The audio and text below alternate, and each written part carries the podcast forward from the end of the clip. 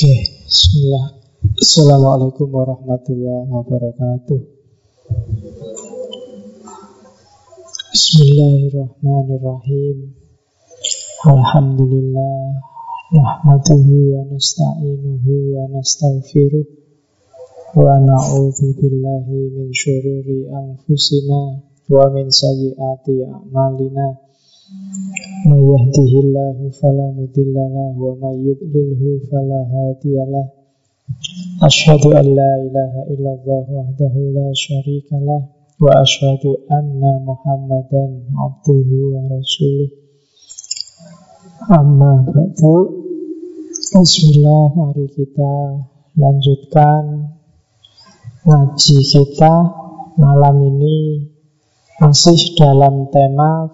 filsafat kebebasan cuma dengan angle yang agak berbeda. Kemarin kita sudah ngomong John Stuart Mill kemudian ada juga Soekarno dengan kemerdekaannya. Malam ini kita masuk ke dunia yang namanya teologi jadi teologi itu ilmu yang logos yang ngomong tentang teos. Teos itu Tuhan. Kalau dalam bahasa ilmu filsafat ada yang mendefinisikan teologi itu faith seeking understanding. Faith itu keimanan, seeking itu mencari, understanding itu pemahaman. Jadi iman yang nyari pemahaman. Bedanya sama filsafat, kalau teologi itu percaya dulu sama Tuhan, terus baru nyari dasar rasionalnya. Kalau filsafat, nyari dasarnya dulu baru percaya. Oke, kenapa sih iman itu apa? Tidak bisa. Tidak usah dipahami, pokoknya dipercaya saja. Kan banyak teman-teman kita sih pokoknya percaya wae, tidak usah tekok neko-neko, malak bulat. Bisa, cuma antara iman yang dipahami dengan iman yang tidak dipahami itu kedalaman dan derajatnya beda. Makanya di banyak ayat, banyak hadis kita sangat didorong untuk mikir. Karena dengan mikir yang semakin dalam itu korelatif dengan iman kita yang semakin dalam. Karena kita semakin paham. Kalian kan juga gitu kalau percaya sesuatu tapi nggak paham kan nggak enak. Kalau tanya temenmu ngapain sih harus ke sana? Pokoknya percaya melu kan nggak mantep. Tapi kalau jelas kenapa ke sananya itu kan lebih mantep Pokoknya ada, ada. Pokoknya enak-enak. Itu meskipun enak. Tapi kan kamu kalau bertanya-tanya kan nggak terlalu yakin, masih ragu-ragu. Tapi kalau jelas kenapa sih kok enak? Oh di sana makan gratis, ngombe gratis, sakar PDW. Nah itu lebih mantap. Iman juga begitu. Meskipun nanti ada sekelompok umat beragama yang tidak suka, iman tidak usah dipahami, pokoknya dipercaya wae. Karena takut dengan dipahami, imannya jadi rusak. Ada yang pikirannya gitu. Dan boleh-boleh saja pikiran-pikirannya dewi, kamu nggak usah protes. Ya kan, orang punya tipe berpikir apa aja kan monggo. Yang nggak boleh kan sikut-sikutannya.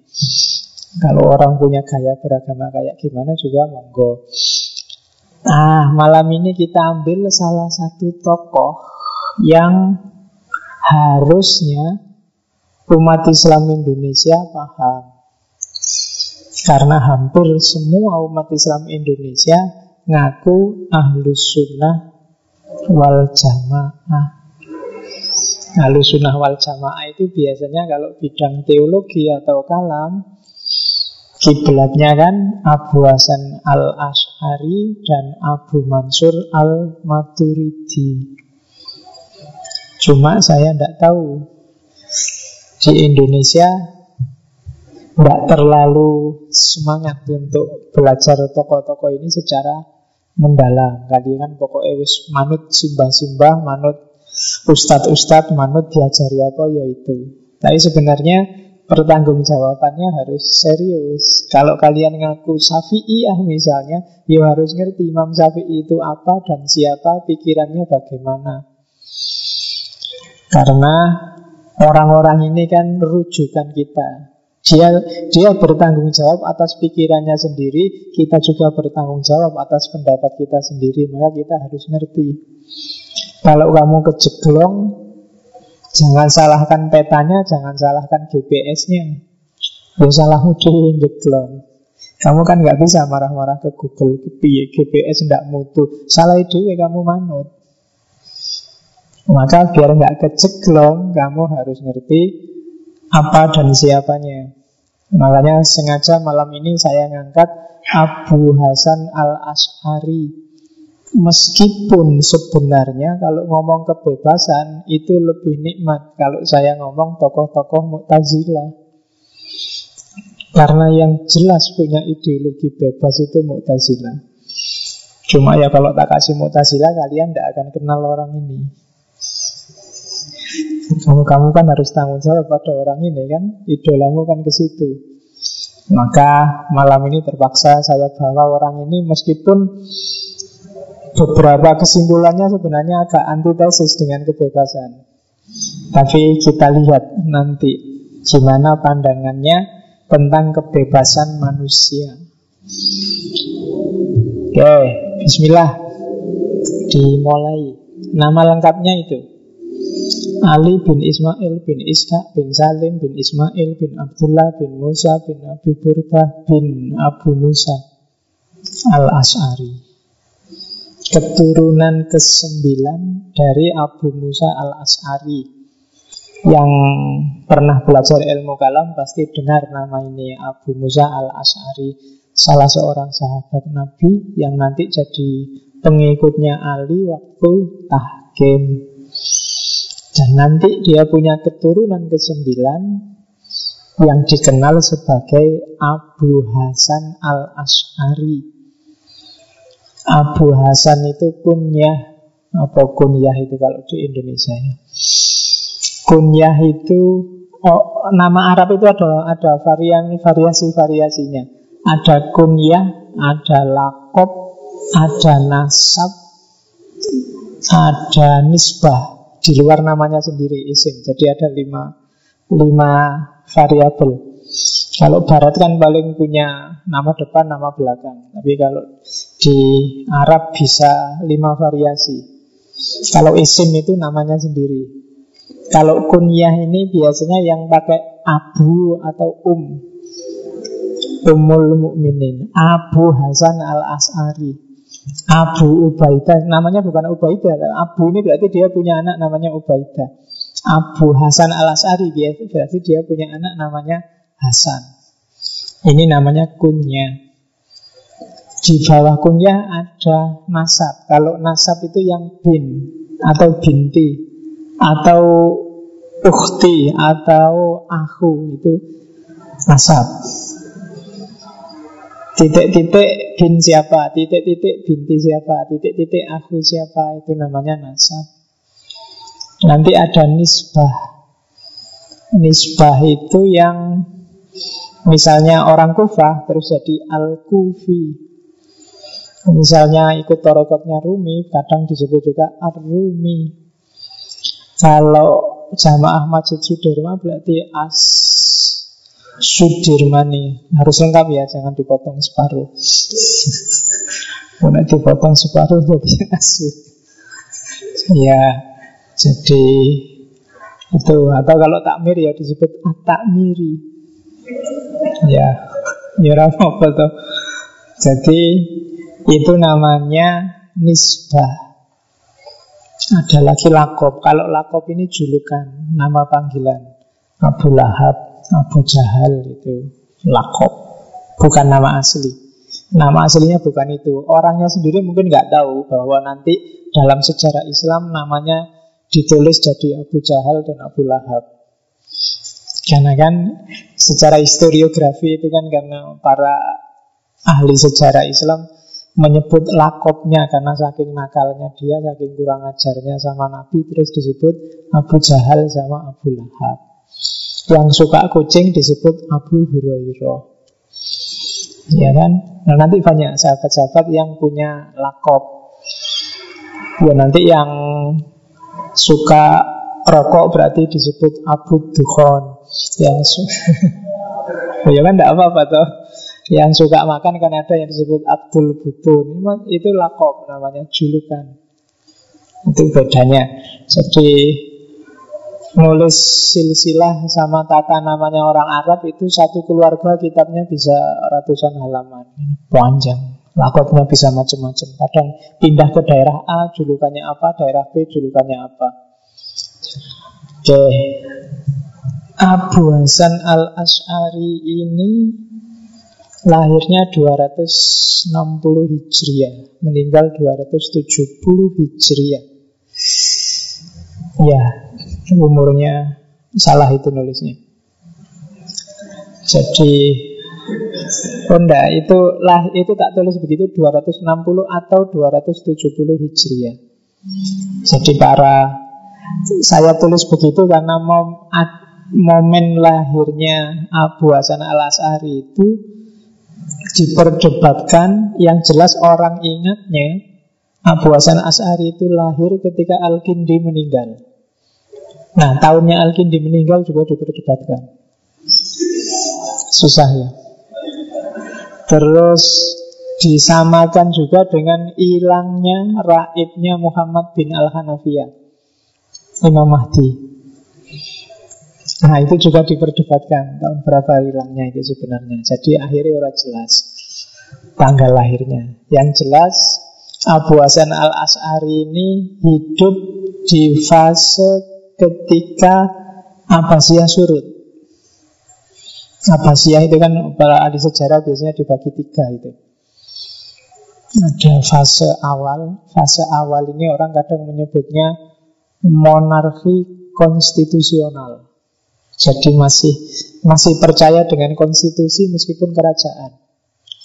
Masih percaya dengan konon, undang-undang negara yang basisnya ya syariah, tapi kan ada konstitusi, bukan orang. Kemudian fase kedua mulai agak ekstrim, jadi monarki absolut, pusatnya raja. Fase ketiga, ya sejak setelah mulai surutnya peradaban rasional Islam itu fase menjelang runtuh. Jadi dari percaya pada undang-undang, kemudian percayanya pada tokoh, setelah itu runtuh. Nah itu bisa kita kiaskan sama Indonesia. Hati-hati loh. Kalau sekarang orang mikirnya hanya tokoh, tokoh siapa yang kita pilih jadi pimpinan, Kemudian kita gegeran harusnya tokoh A, harusnya tokoh B Itu alamat sebentar lagi ada fase ketiga Kita akan runtuh fase pertama masih setia dengan undang-undang Masih setia dengan aturan, dengan hukum Hari ini kan mungkin lebih banyak ke tokoh Kalau ada aturan yang tidak cocok dengan karepnya tokoh Itu biasanya aturannya yang diganti Nah itu berarti toko ini mulai monarki absolut. Nah kalau sudah lewat sini nanti akhirnya biasanya eh, lama-lama runtuh. Karena begitu tokoh orang akan punya kiblat sendiri-sendiri. Yang satu milih A, yang satu milih B, dan akhirnya tawuran. Kalau sudah tawuran itu tidak ada kalah, tidak ada menang, sama-sama bonyok. Jadi sama-sama ajur-ajuran. Oke, jadi kita saksikan saja kan kita nggak usah ikut-ikut. Ya, toh kita ikut tawuran juga nggak dapat apa-apa. Sama kayak emasnya Olimpiade kita ikut dada-dada ya yang dapat 5 m kan yang kita dadai. Kita nggak dapat apa-apa. Oke, maghrib-maghrib disuruh dada-dada dan mau saja. Kemarin kan gitu malam-malam. Oke, jadi Abu Hasan As'ari ini anak yatim Nanti ibunya nikah lagi saat dia umur 10 tahun. Nikahnya dengan guru besarnya Mu'tazilah. Namanya Abu Ali Al-Jubai. Jadi dia ini anak tirinya Abu Ali Al-Jubai. Abu Ali Al-Jubai ini salah satu tokoh Mu'tazilah. Zaman jayanya Mu'tazilah. Jadi dia anak tiri ya karena anak tiri maka dia disayang sama bapak tirinya Kalau enggak ditinggal sama ibu tirinya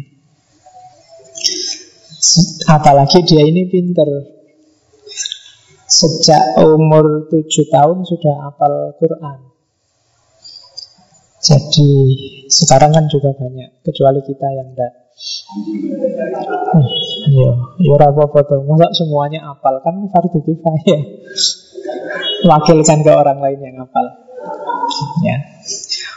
Oke, jadi umur umur tujuh tahun sudah hafal Quran, dididik habis-habisan oleh Abu Ali Al Jubai sampai kemudian jadi andalan tokoh-tokoh Mu'tazilah. Dia termasuk golongan Mu'tazilah muda. Jadi pinter debat, cerdas Di era ketika umat Islam sedang deklinasi, mau runtuh. Termasuk dunia pemikirannya. Saat itu ada puluhan madhab yang beredar Bersaing rebutan jamaah. Aliran fikih, aliran tasawuf dengan torekotnya Termasuk aliran kalam.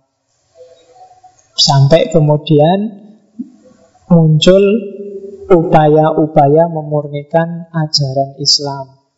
Abu Hanifah dan kawan-kawan yang nanti dikenal madhab fikihnya cenderung rasional. Cuma Abu Hanifah dan kawan-kawan ini melihat bahwa ketika terlalu banyak madhab, umat Islam sendiri yang bunuh diri. Sama kan kalau terlalu banyak partai kita sumpek sendiri. Ojo ake-ake, sedikit aja wong ya platformnya sama. Nah, untuk ngatasi madhab yang macam-macam ini, Abu Hanifah dan kawan-kawan bikin gak, yuk kita kembali ke Al-Quran dan hadis, cuma plus untuk kembali pada Quran dan hadis kan kita butuh ilmu. Untuk paham ilmu kita butuh pendaya gunaan akal. Jadi nas iya, akal iya. Cuma kemudian dalam perkembangannya muncul ekstrim-ekstrim yang terlalu berat dinas nanti melahirkan aliran formalisme. Yang paling ekstrim lahir Khawarij. Yang terlalu berat di akal melahirkan kelompok rasionalisme Mu'tazilah dan kawan-kawan. Sampai nasnya diturunkan jadi ranking 2 ada lagi satu terlalu berat di mistik sampai imam-imamnya disebut maksum. Kelompok si A. Dan itu perdebatan habis-habisan zaman itu. Di era yang semacam ini muncullah Abu Hasan As'ari dari kubu Mu'tazilah Nah, setelah jadi Mu'tazilah puluhan tahun, diperkirakan sekitar 30-an tahun. Pada umur 40, Abu Hasan As'ari ini sadar apa? Punya gagasan baru lah, nanti sadar dia pingsan. Ya, punya ide baru, punya apa? Meletik pikirannya sadar bahwa Ibu Tazila itu juga nggak benar-benar amat. Setelah selama ini digeluti puluhan tahun, baru dia muncul ada bibit-bibit, wah ini kok ini tidak pas ya. Itu setelah Mu'tazilah kalah. Jadi Mu'tazilah itu kan puncaknya zaman Al-Ma'mun, nanti Zaman Al-Ma'mun itu dia melakukan mihnah akuisisi. Akuisisi itu ujian keimanan. Jadi barang siapa yang ideologinya nggak mu'tazilah ya berurusan sama pemerintah dianggap makar. Jadi itu bahayanya kalau agama selingkuh sama negara. Karena saling memanfaatkan. Negara memanfaatkan agama untuk menguatkan posisi politiknya. Agama memanfaatkan negara untuk menyebarkan ideologinya. Dan itu yang terjadi zaman Mu'tazilah. Para ulama diuji, dites. Kalau jawabannya bodoh dengan pandangannya Mu'tazilah, ya dihukum. Kecuali dia mau, ya saya tobat, saya manut sampean-sampean yang benar itu baru dilepaskan. Kalau enggak ya disiksa terus. Meninggal juga tidak apa-apa, gantinya banyak. Itu zaman Mu'tazilah jaya.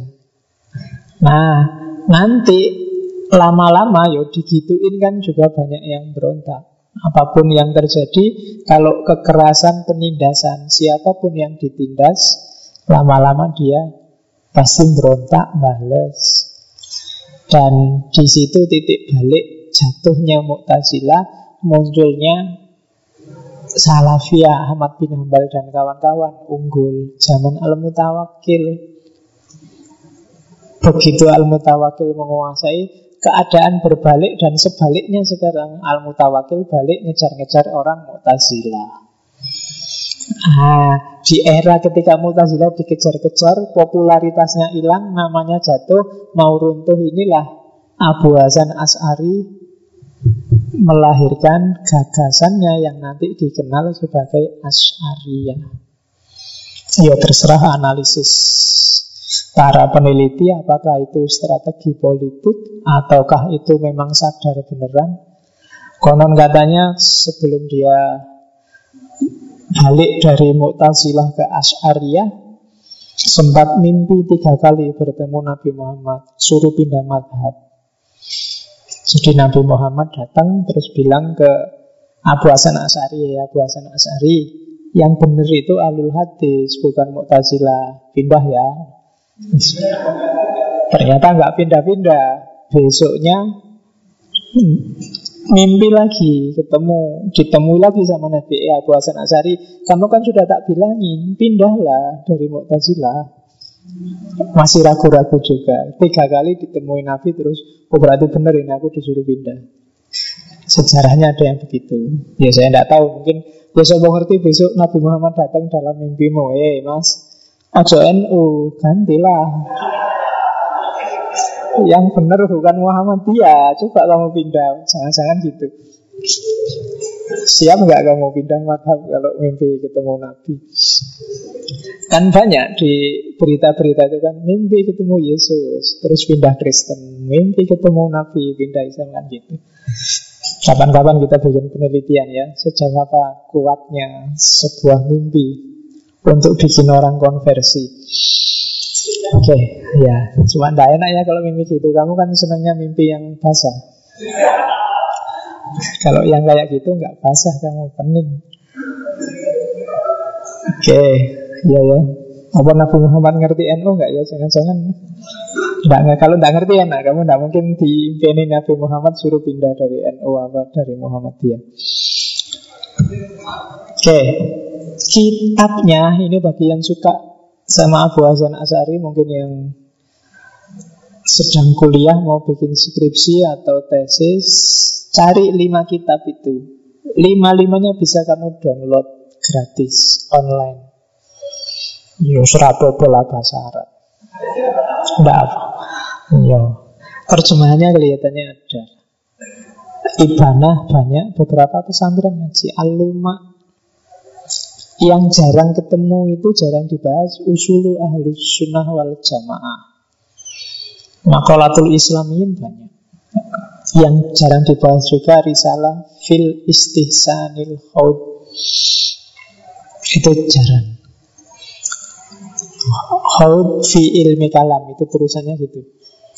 Kalau ibanah sama aluma ini jadi Imam As'ari itu awalnya cenderung dari Mu'tazilah yang sangat rasional Begitu tobat pertama Dia pro Ahlul Hadis Ahmad bin Hambal dan kawan-kawan Tapi kemudian selanjutnya rasionya dipakai lagi Dan lahirlah As'ariyah Dia pingin tengah-tengah antara rasional dan ahlu hadis. Nah, Ibanah dan Aluma ini masih pro ahli hadis. Ibanah itu banyak ngeritik pikiran-pikirannya Mu'tazilah. Sama kayak Aluma. Kalau Ibanah ada sekitar 15 bab, kalau Aluma itu sekitar 7 bab. Tapi Aluma jauh lebih sistematis. Kalau Ibanah jauh lebih nakli, dia pakai dalil-dalil nas. Kalau aluma itu banyak pakai rasio, pakai akal. Nah, nanti mengkristal dalam usulu ahlu sunnah wal jamaah. Ini nanti yang mungkin antara ini yang bikin pikiran-pikirannya Abu Hasan As'ari lah nanti yang disebut sebagai ahlu sunnah wal jamaah. Kalau makolatul islamiyin ini isinya aliran-aliran dalam Islam. Nanti makalatul islamiyin ini menginspirasi Syahrastani yang nulis Al-Milal wan Nihal, menginspirasi Al-Baghdadi yang nulis Al-Farku Bainal Firok. Saya ngomong judul-judul gini kalian yang. Terus yang penting ngerti judulnya pernah dengar Alhamdulillah. Syukur-syukur tertarik. Kalau risalah fil istisanil khawd fi ilmil kalam Ini baru yang beberapa malah agak membela Mu'tazilah dan ilmu kalam yang rasional Termasuk orang-orang yang tidak setuju sama ilmu kalam. Yang mengkafir-kafirkan, membid'ah-bid'ahkan ilmu kalam Itu dijawab oleh Imam Ash'ari di risalah fil istisanil khawd Itu lima master masterpiece Abu Hasan al-Ash'ar Yang tertarik silahkan dibahas. Termasuk sifat-sifat Allah dan macam-macam itu bisa dicari di situ. Oke, terus cara berpikirnya Abu Hasan As'ari. Jadi Abu Hasan As'ari itu orang yang lengkap. Sebelum jadi ahli kalam, dia ahli fikih dan hadis. Guru-guru awalnya itu. Cuma setelah ketemu Abu Ali al-Jubai Dia banyak dapat kalam yang rasional Jadi dia kuat di nakli Kuat juga di rasio Dua-duanya dipakai. Cuma nanti Abu Hasan As'ari mendeklarasi Rasio itu tidak boleh diposisikan di atas wahyu, di atas nas. Rasio itu hanya alat. Kalau alat ya posisinya nggak boleh atas hanya cara, nanti kita lihat ya. Pembelaan sekaligus kritiknya. Orang yang belajar Abu Hasan As'ari agak serius Kadang-kadang bingung. Ini orang pro rasio atau anti rasio? Setuju nas ataupun tidak setuju nas? Itu kadang-kadang agak bolak-balik. Karena memang harus paham konteksnya. Di kitab yang istihsan tadi Dia sebenarnya sedang membela orang-orang yang diserang oleh kelompok nas Orang-orang yang bermain rasio. Nah yang ketiga selain nakli sama rasio, akal, agama itu kan isinya dua, akal sama rasio. Ada juga gaya moderat, sintesis. Jadi kan zaman As'ari itu pikiran saling tabrakan, Qadariyah, Jabariyah, Mujasima, Mu'tazila, Ahlu Hadis, Ahlu Royus, selalu tabrakan. Dan ini bikin orang geger. Islam terancam. Ada yang ekstrim kayak Khawarij. Semua kafir, kecuali Khawarij saja. Jadi jumlah umat Islam tinggal sedikit. Wong kafir kabeh. Yang benar hanya sak kelompok itu. Lama-lama habis. Jadi kalau bagi teman-teman kita yang juga mengkafirkan, sebenarnya umat Islam Indonesia itu tidak mayoritas. Katanya siapa? Wong yang Islam cuma mereka kok. Jadi minoritas Islam di Indonesia itu. Yang lain kan kafir kafir. Bukan Islam. Jadi, nah, Imam As'ari pinginnya sintesis. Jangan ekstrim lah. Masing-masing ya dilihat konteksnya. Misalnya tentang Al-Quran, kodimnya Al-Quran. Zaman Mu'tazilah, Itu di antara pertanyaan ujiannya Quran itu kodim apa makhluk? Bagi Mu'tazilah Quran itu makhluk Kalau dia kodim Berarti beda sama Mu'tazilah dan diakuisisi Karena bagi Mu'tazilah Allah itu harus tidak punya atribut apa pun Gak boleh ada apa pun yang ditempelkan di zatnya Allah Karena berakibat ada dua hal yang setara sama Allah Kalau Allah kodim Quran kok juga dibilang kodim berarti ada dua Tuhan. Itu katanya Mu'tazilah. Katanya ahlu hadis, ya Al-Quran itu kodim. Kenapa? Karena dia kalamullah. Kalam itu kan memang sifatnya Allah. Jadi dia kodim. Maka pendapat ini kan beda zaman Mu'tazilah, maka diakuisisi ditanyain. Menurutmu Al-Quran kodim apa makhluk? Kalau berani jawab kodim, alamat tidak selamat. Zaman itu begitu akuisisinya, antara lain. Ini kan debat. Orang awam kan tinggal milih kiblatnya siapa. Nah Imam As'ari datang sebentar ta. Ayo diposisikan yang benar. Yang dimaksud Quran itu apanya? Kalau hurufnya kalau status duniawinya yang pakai bahasa Arab, yang ada tulisannya, yang dicetak di HP-mu itu, bukan kamu menyebutnya juga Quran, yaitu ya jelas makhluk. Yang lebih banyak ngaji dibandingkan yang punya HP. Kan sering HP-nya ngaji sendiri, yang punya malah main game. Sering gitu kan. Nah, itu katanya As'ari yaitu jelas makhluk. Tetapi hakikat Al-Quran itu sendiri sebagai kalamnya Allah karena kalam ini sifat maka dia kodim. Ya level apa dulu kalau ngomong Al-Quran itu? Kalau level yang kamu pegang tiap hari yang ada tulisannya, ada tintanya wong yo pabriknya ada. Ini makhluk Cuma kandungannya yang sifatnya kalamnya Allah itu kodim.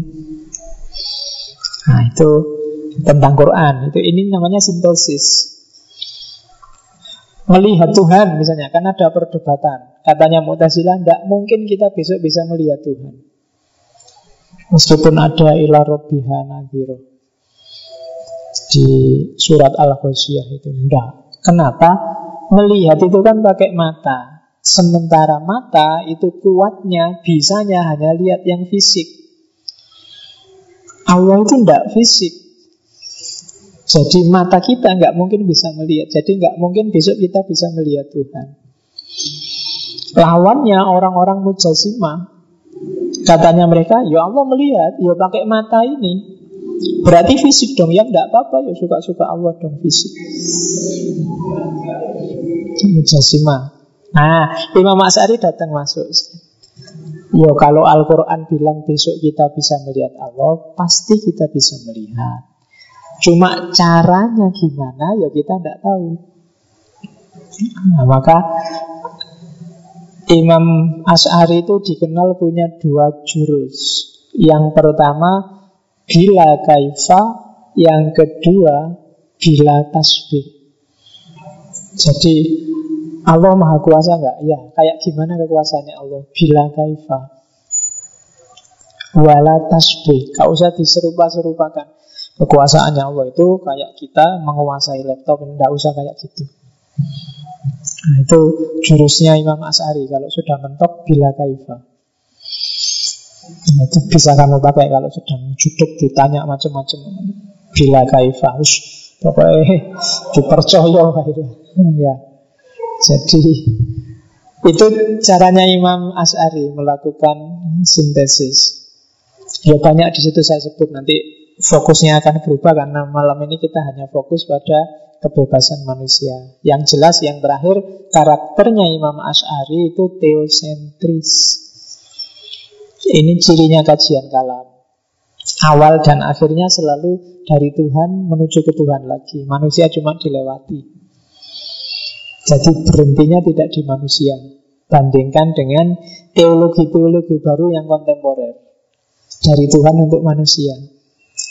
Kalau bagi teologi lama itu dari Tuhan ya untuk Tuhan. Agama itu dari Tuhan untuk Tuhan. Kalau teologi baru itu kebanyakan dari Tuhan untuk manusia. Fokusnya manusia, antroposentris. Kalau teologi lama itu dari Tuhan untuk Tuhan. Maka yang dibahas Tuhan, nggak pernah bahas manusia. Dalam ilmu kalam nggak pernah dibahas kenapa kok Abbasiyah itu lemah, sekarang mau jatuh. Kenapa kok ada pangeran yang saling bunuh-bunuhan, kenapa nggak ada. Pokoknya gimana caranya besok bisa melihat Tuhan apa enggak. Besok itu orang yang dosa besar itu bisa masuk neraka apa enggak. Atau orang mukmin yang dosa besar dia masih mukmin apa enggak. Itu perdebatannya panjang. Berdarah darah bisa bunuh-bunuhan. Ya kan panjang kan itu. Orang dosa besar, yang sini bilang dosa besar itu ya kafir, yang sini bilang ya masih mukmin lah, jangan usah menghakimi. Oh ini bisa panjang urusannya. Apalagi kalau dari Islam kok terus jadi kafir itu kan namanya murtad. Dan orang murtad harus dibunuh, perang sudah. Jadi implikasinya ke situ. Oke, itu kalah. Yuk kapan-kapan nanti kita masuk ke fase kajian filsafat yang kalam. Falsafah kalam. Entah kapan nunggu wahyunya. Oke. Nah, ini penting. Sebelum menuju kebebasan harus jelas perannya akal. Itu saya sebut tiga aliran paling populer yang bahas tentang akal. Mu'tazilah, As'ariyah, Maturidiyah. Isu akal itu kan ada empat dalam kalam. Yang pertama, akal bisa nggak tahu Tuhan itu ada. Itu yang pertama. Yang kedua, akal bisa nggak tahu Tuhan itu kayak gimana. Sifatnya apa saja dan Nggak usah buka Quran, kira-kira akal bisa nyampe nggak tentang Tuhan, sifat-sifatnya dan lain sejenisnya. Yang ketiga, isu akal bisa tahu nggak mana baik, mana buruk. Dan yang keempat, akal bisa ngerti nggak mana yang harus dilakukan, mana yang harus ditinggalkan dari baik dan buruk tadi. Itu kalau diringkes pendapatnya itu. Kalau Mu'tazilah akal bisa semua. Akal bisa kok tahu Tuhan itu ada gampang. Dalilnya banyak. Akal bisa nggak tahu sifat Tuhan, ihwalnya Tuhan bisa. Kalau dia Tuhan berarti dia harus serba maha Maha penyayang, maha pengasih Tidak pakai Al-Quran juga bisa Katanya Mu'tazilah Asal akal bisa tahu baik buruk pasti bisa Ya kan?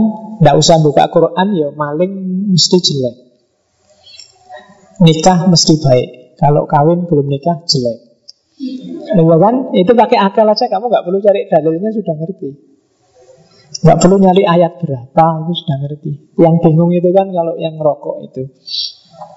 Rokok itu baik apa buruk? Nah itu kamu debat sekarang. Kalau mahal, pas tidak punya uang, ya jelek.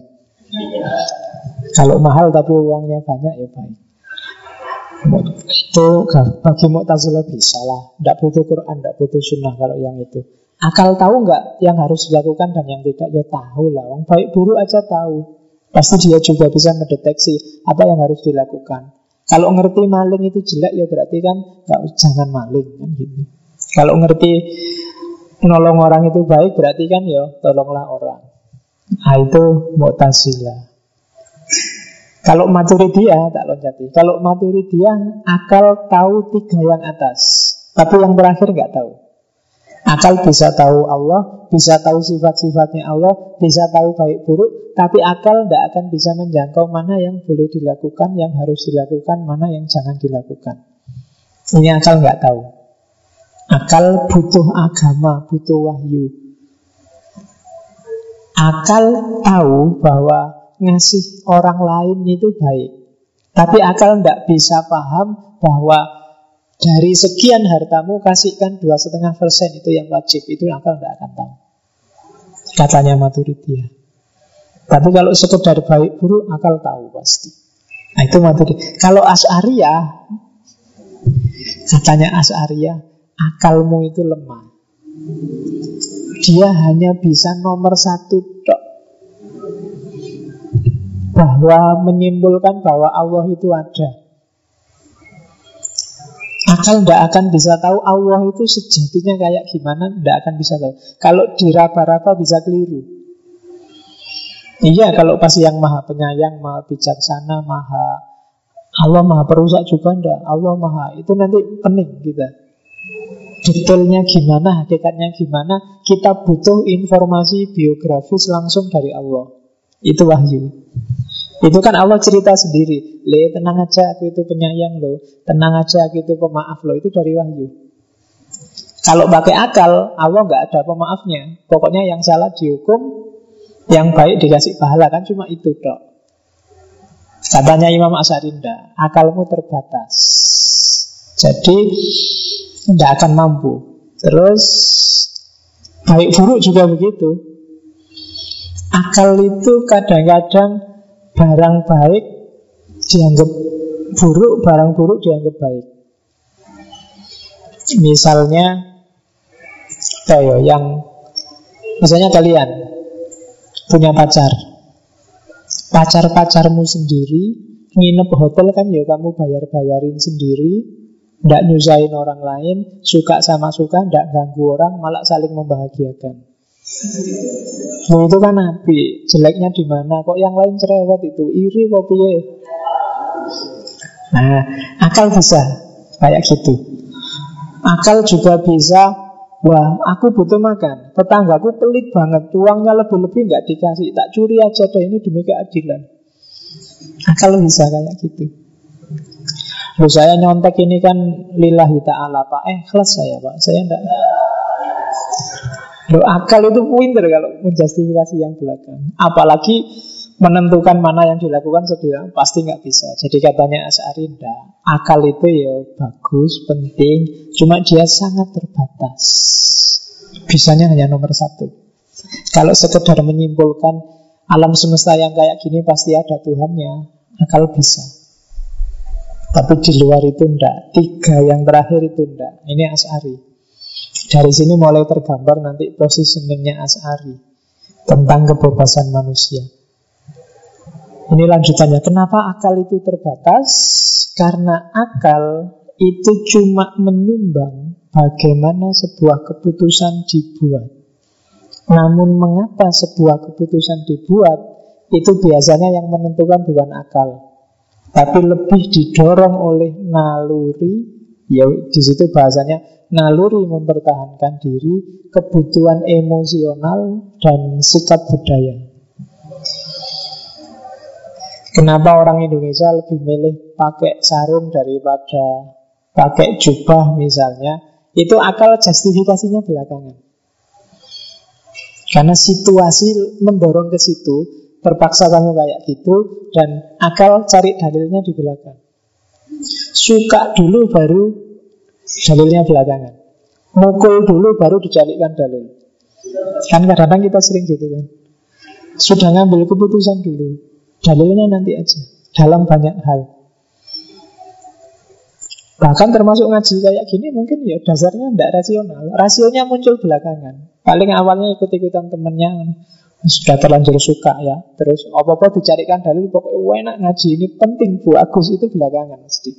Dulunya juga padahal awalnya males-malesan kadang ngopong ngaji segala baca buku cukup anu cukup. Tapi belakangan baru setelah suka kamu muncul argumen. Jadi di level asari ya enggak lah. Akal itu akal itu ngomong bagaimana pinter tapi jawab mengapa susah. Bagaimana cara mencintai itu akal jawabnya cepat.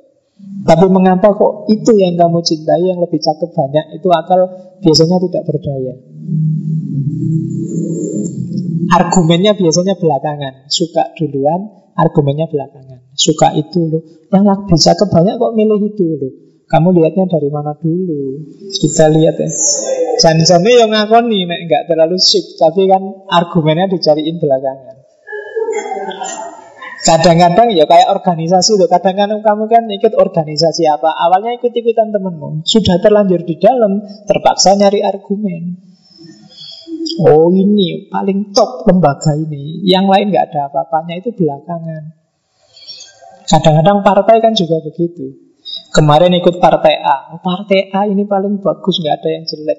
Begitu dipecat partai A, pindah partai B. Wah, sekarang yang partai B ini akalmu itu kerjanya begitu. Akal nalar itu lebih banyak jadi fasilitator, bukan inisiator. Makanya para filosof besar kayak Plato itu suka wanti-wanti, mbok kalau bisa akalmu itu jadi raja dalam dirimu. Kalau negara ya jadi cari seorang raja yang filosof. Cuma ini susah. Karena manusia itu ada hasratnya, ada emosinya, ada ambisinya. Contoh paling gampang, negara-negara maju yang ilmu pengetahuannya canggih, oh, destruksi kemanusiaannya juga semakin banyak. Itu kan berarti akal tidak korelatif dengan kemanusiaan, dengan kemajuan peradaban. Ambisi lebih besar. Orang Israel, Yahudi yang cerdas-cerdas luar biasa, tapi dia juga pinter bikin tragedi kemanusiaan. Itu kan tidak nyambung, tidak kudu nek akalnya tinggi, itu juga perilakunya bagus. Tapi ternyata tidak juga. Dan kalau dimarah-marahi mereka juga punya argumen rasional yang panjang. Itu berarti apa? Ternyata akal itu hanya fasilitator. Dia melayani kebutuhanmu. Padahal kemarin mungkin kamu kuliah di UUN itu kecelakaan karena di yang lain nggak keterima. Tapi sekarang kamu punya seribu satu argumen untuk menunjukkan UUN itu sus. Ya kan? Jadi akalmu hanya fasilitator. Itu sehingga katanya Asari Akal itu penting, tapi dia lemah. Jadi kita memakai nalar, pakai akal untuk mendapatkan yang kita mau, bukan menentukan yang kita mau. Biasanya yang menentukan kamu mau apa itu kan selera lah, lingkungan lah, dan lain-lain. Akalnya ngikuti di belakangnya. Jadi itu analisis dari perspektif Imam Ash'ari. Oke, cuma setelah ini kan ngeritik akal, tapi nanti ya jangan ditinggal. Akal itu lemah tapi jangan ditinggal. Kalau akal itu ditinggal, akibatnya ini. Umat Islam mundur, katanya Imam Aksari itu kutipan dari istihsan. Sebagian orang menyerah kepada kebodohan mereka sendiri. Diskusi dan berpikir rasional mengenai masalah agama merupakan satu beban berat bagi mereka. Dan dengan demikian, mereka cenderung menganut kepercayaan dan kepatuhan buta atau taklid. Orang-orang yang berusaha merasionalisasikan prinsip-prinsip agama dicap oleh mereka sebagai ahli bid'ah. Kalau ada orang mikir tentang agama terus dilarang-larang. Kenapa? Karena yang larang ini tidak bisa mikir. Itu kan kasarannya begitu. Dianggap bid'ah karena mereka sendiri sebenarnya lemah dalam analisis. Jadi akal itu lemah tapi penting. Akal itu penting tapi lemah. Itu kalian harus pinter-pinter pakai dalil ini. Kapan harus pakai dalil pertama, kapan harus pakai dalil kedua. Katanya Imam As'ari Coba dicek. Ini kan untuk bantah orang yang suka bid'ah-bid'ahkan tadi. Banyak ayat Yang memerintahkan penggunaan akal. Sunnah hadis juga banyak. Bahkan Nabi bilang Orang yang mikir tentang agama Itu kan namanya istihad Tidak mungkin Tidak dapat pahala. Salah pun ada pahalanya Allah aja ngasih pahala kok kamu malah maki-maki. Kok kamu malah ngasih bid'ah bid'ahan, ngafir-ngafirkan. Kalau memang itu ijtihad dan keliru, pahalanya satu. Lo masih dikasih pahala sama Allah. Kenapa? Karena pentingnya mikir.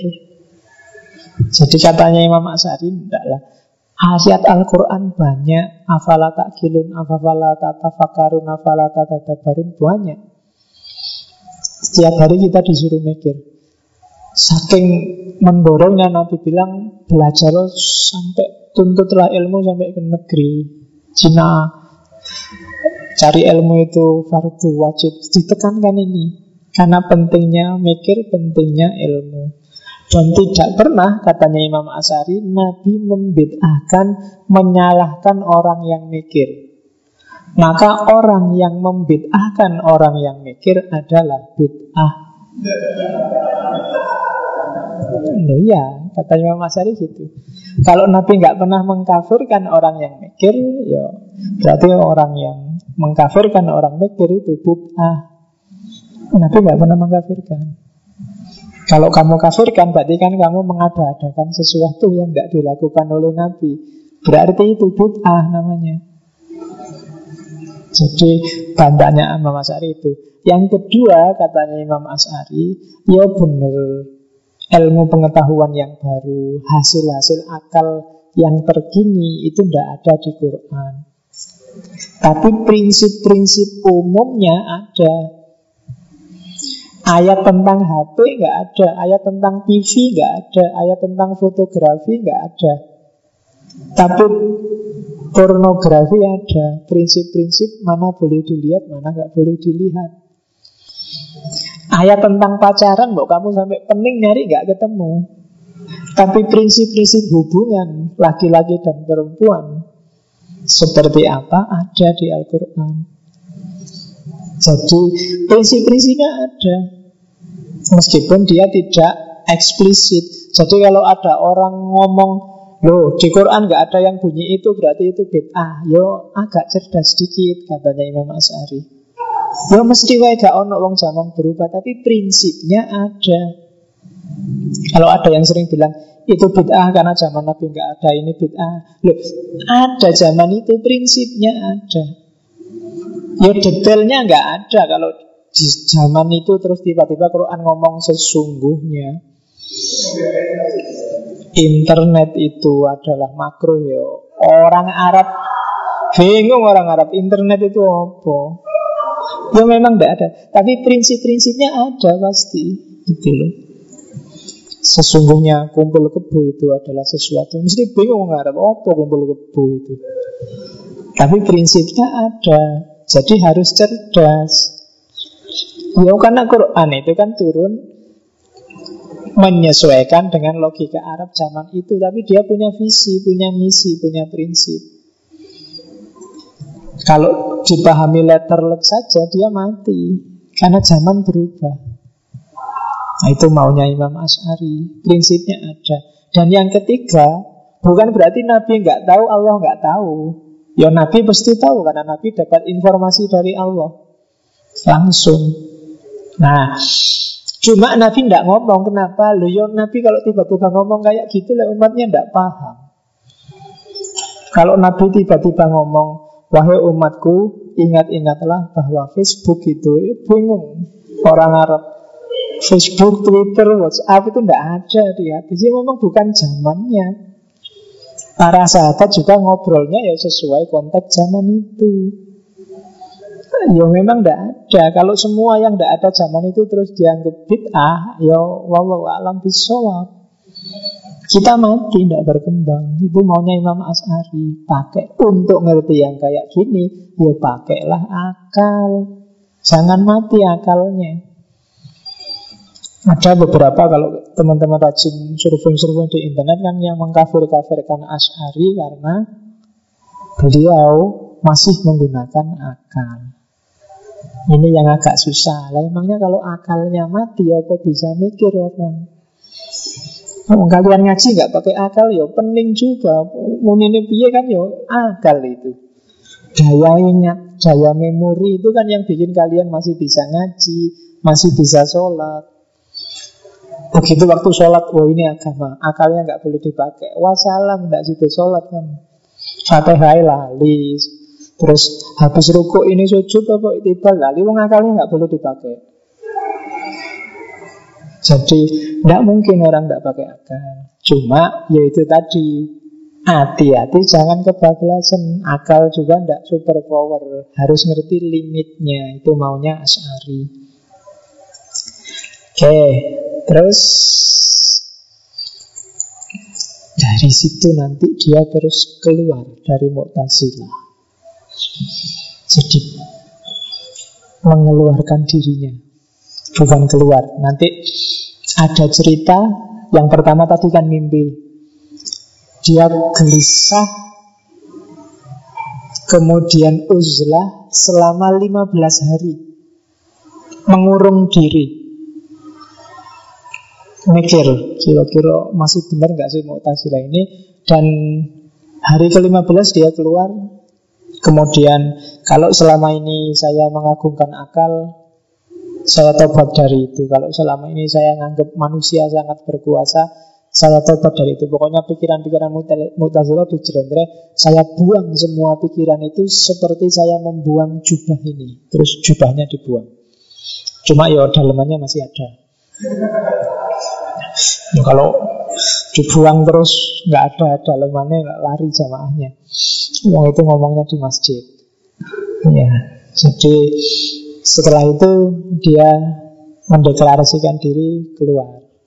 Nah, ini beberapa identifikasi. Kira-kira inilah yang bikin Imam Asari keluar. Yang pertama apa? Karena Imam As'ari ini secara fikih dia syafi'i Fikihnya Syafi'i itu kuat di nas Main teks. Maka agak susah kombinasi Syafi'i yang Mu'tazilah Karena Syafi'i ini main teks Sementara Mu'tazilah itu mainnya akal. Itu yang bikin Mesti sering terjadi clash Sering jadi tabrakan keyakinan. Oke, jadi yang pertama itu. Yang kedua, dia sering debat sama gurunya, bapak tirinya. Tidak apa-apa lah bapak tiri aja kok debat juga tidak apa-apa. Bantah juga tidak apa-apa. Wong ini debatnya ilmiah. Ada dua debat yang terkenal. Yang pertama debat tentang sifat-sifat Tuhan. Jadi debat sifat-sifat Tuhan ini yang saya ingat debat tentang sifat Tuhan yang Al-Akil itu yang tidak ada di Al-Quran sama Al-Hakim ada di Al-Quran.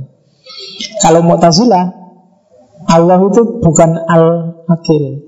Sebenarnya pen, gagasannya sama, pandangannya sama, cuma dalilnya beda. Ketika Abu Ali Al-Jubai ditanya oleh Abu Hasan Asari, guru, sampean setuju kalau Allah itu sifat Al-Akil? Tidak, karena al-akil itu makna harafiasnya memutus, memisahkan. Akola itu mana dasarnya itu. Tapi kok sampean setuju dengan al-hakim? Al-hakim itu kan kalau alasannya pakai akal kayak gitu loh ya katanya Asari. Kok sampean setuju dengan al-hakim? Hakim itu kan akar katanya juga sama, memutus. Nah itu terus Abu Adil Jubai bingung. Nah terus kalau kamu gimana? Tanya sama Abu Hasan Asari. Katanya Abu Hasan Asari, kalau saya, saya juga tidak setuju ada al-akil. Kenapa? Di Al-Quran tidak ada. Saya setuju ada al-hakim, di Quran ada. Jadi tidak pakai akal. Sifat tidak perlu dirasionalkan. Itu maunya Abu Hasan Asari. Debat yang paling terkenal, debat kedua tentang tiga orang. Ada mukmin, ada kafir, ada bayi. Jadi ini ngetes sebenarnya Abu Hasan Asari. Ngetes bapak dirinya Gurunya Abu Ali al-Jubai. Enaknya manggil guru apa pak? Ya. Ya Gini pak. Oh, Apa? Gini pak. Kira-kira besok di akhirat Gimana nasibnya tiga orang ini? Orang mukmin, orang kafir sama bayi Katanya Abu Ali Al-Jubai, ya kalau orang mukmin dia kan pahalanya banyak, ya dia pasti masuk surga. Lah kafir, ya kafir ya mesti masuk neraka. Lah bayi, ya bayi itu nggak punya dosa, tapi dia juga nggak punya amal baik. Dia masuk surga tapi levelnya bawah. Terus katanya Abu Hasan Sari, lah kok gitu? Lah kalau misalnya bayinya protes. Lah kenapa saya kok dimatiin waktu bayi? Mbok coba saya dikasih umur panjang kan bisa beramal baik. Bisa masuk surga kelas tinggi. Nah, kalau orang kafirnya juga protes gimana? Ya kok teganya saya dibiarkan hidup sampai besar? Mbok coba saya dimatiin waktu bayi kan aman. Ya kan, masuk surga level-level bawah juga tidak apa-apa lah daripada neraka. Nah itu itu debat yang terkenal antara Abu Hasan As'ari dan Abu Ali al-Jubai. Dan nanti ya dari situ dia terus ragu-ragu, ada fase skeptisnya. Kalau teman-teman jeli nanti banyak tokoh besar yang mengalami fase skeptis. Ghazali juga mengalami, beberapa tokoh juga mengalami, termasuk Abu Hasan As'ari ini. 15 hari uzlah tadi itu namanya fase skeptis. Fase menjelang pencerahan, fase menjelang meletik. Cuma bekalnya sudah banyak. Kalau kalian bekalnya masih sedikit ya enggak usah. Dulu nanti fase menjelang etan. Sak sakarmu dhewe ra. Ra ono sangune tiba-tiba mau meneng wae mikir aja nguatiri. Oke. Terus yang ketiga karena dia asli Arab. Jadi Abu Hasan Asari ini kan Arab asli masih bau-bau badui padang pasir. Cirinya orang Arab asli yang padang pasir itu fatalistik. Fatalistik itu apa-apa diserahkan pada Tuhan karena manusia tidak berdaya sama sekali. Ya karena secara geografis memang padang pasir itu kan kayak gitu. Dibuat cocok tanam susah, dibuat apa-apa susah. Air aja menggantungkan pada oase. Jadi kalau ada badai, ada hujan, ada badai pasir itu juga pontang manting. Jadi manusia merasa dirinya sangat lemah. Pokoknya nasibnya diserahkan full pada Tuhan. Itu gaya padang pasir. Itu yang bikin ideologi Jabariyah di awal-awal laku keras. Nah, Abu Hasan As'ari ini masih keturunan itu. Jadi orang pedalaman, pedesaan yang fatalistik Kok pakai ideologi Mu'tazilah yang rasional Itu tekanan batin luar biasa Jadi wis biasa ya pasrah Sekarang disuruh mikir sendiri Itu juga pening Itu alasan yang ketiga. Yang keempat ya memang situasinya sangat pas untuk keluar dari Mu'tazilah saat itu Mu'tazilah sedang hancur Sedang kacau balau Negara membatalkan Mu'tazilah Jadi ada kekosongan madhab Belum ada yang isi Madhab baru Dan lahirlah As'ariyah. Itu jadi sangat pas Momennya sangat tepat Nah ini perlu analisis lebih panjang Kalau ngomong tentang momen Oke Itu pengantarnya sebelum ngomong kebebasan.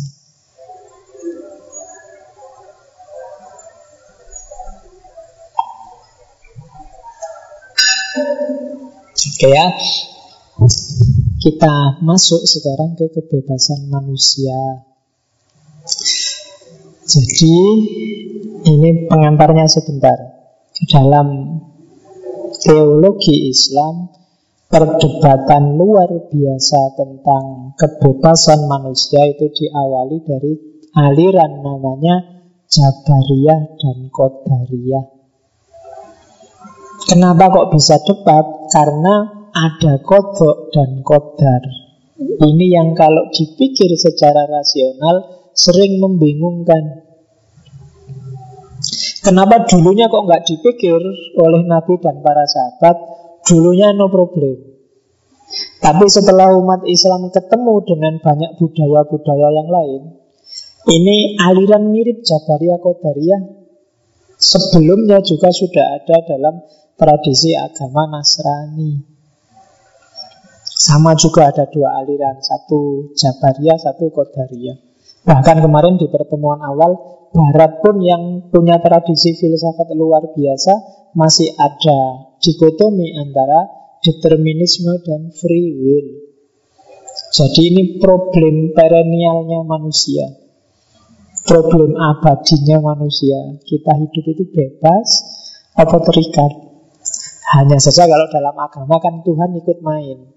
Kalau di barat nggak pakai Tuhan pun masih bingung antara determinisme dan free will. Apalagi sekarang Tuhan ikut-ikutan main. Kita mesti kalah kalau musuh Tuhan. Oke. Okay. Jadi ada problem kodok dan kodar. Kodok itu ketetapan Allah sejak dahulu yang ini jadi hukum antara lain munculnya sunnatullah itu kodok kalau orang tidak makan tujuh hari secara kodok dia pasti almarhum itu kodok, itu ketetapan Allah kalau kodar ini takdirnya Allah yang sifatnya interventif apa interventif itu ketetapan Allah yang dalam praktek kita sehari-hari saya nggak makan tujuh hari sih tapi mungkin Allah bisa intervensi, nggak jadi mati. Masih megap-megap saja terus ada orang datang dikasih makan dan nggak jadi mati. Itu kodar. Dan orang Islam harus percaya pada dua-duanya. Percaya pada kodok, ada hukum alam yang tetap dan pasti juga percaya pada kodar. Percaya bahwa Allah sewaktu-waktu intervensi. Jadi yang misalnya kalian, Pak saya sudah umur sekian kok masih jomblo ya Pak. Tidak apa-apa, itu karena kamu males nyari, juga tidak terlalu cakep secara kodok sunatullah. Kamu jomblo, tapi nggak usah khawatir. Sewaktu-waktu ada kodar datang. Nah, tiba-tiba ada misalnya ya wis lawan jenis yang pikirannya lagi kacau terus mau sama Nah itu kodarnya Allah berarti Jadi itu bedanya kodok sama kodar Itu yang bikin Makanya jadi umat Islam Harus optimis nggak boleh pesimis Meskipun kamu sudah hitam, jelek, kecil, pendek Tidak apa-apa, masih ada kodarnya Allah Allah bisa sewaktu-waktu intervensi Nah, pikiran-pikiran tentang kodok dan kodar ini kan nanti terpilah dua. Ada Jabariyah, ada Kodariyah. Debatnya nggak selesai-selesai, belakangan muncul aliran baru. Namanya kompatibilisme. Mencoba menyatukan antara Kodariyah dan Jabariyah. Sejauh yang saya tahu ada beberapa variasi. Paling tidak ada lima yang pertama kayak pepatahnya orang barat. Man purpose, God dispose. Manusia yang berencana, Tuhan yang menentukan. Silahkan kamu rancang hidupmu dan Tuhan yang menentukan. Iki janjani seolah-olah rasional menggabungkan, tapi sebenarnya ini jabariyah. Yang menentukan tetap Tuhan. Saya berencana mau minum. Oh mbak, Tuhan menakdirkan satu menit yang akan datang. Nah itu man purpose, God dispose. Manusia berencana, Tuhan yang menentukan. Oke. Okay. Itu gaya pertama yang sering diceramahkan. Ada gaya kedua, dialektika antara ikhtiar dan tawakal. Jadi hidup ini ada babaknya. Ada modal, ada proses, ada hasil. Modalnya kamu kecil, kurus, hitam, keriting misalnya. Punyanya itu. Ini kamu nggak bisa bantah, ini Jabaria. Proses sekarang. Di proses itu hakmu. Ini Kodaria. Kamu kecil, tapi kan kalau ngerayu maut misalnya. Kalau gombal luar biasa misalnya Itu kan proses usahamu Pokoknya tiap hari lah dipepet lama-lama mesti ya belum lah. Nah ini proses namanya usaha. Entah kamu bikin SMS tiap hari, WA tiap hari, apa wirid tiap hari, apa dukun, apa pokoknya ini proses. Ini hakmu. Tapi hasilnya haknya Allah. Nah, hasilnya haknya Allah di hasil ini sekaligus main kotak juga bisa juga main kodar.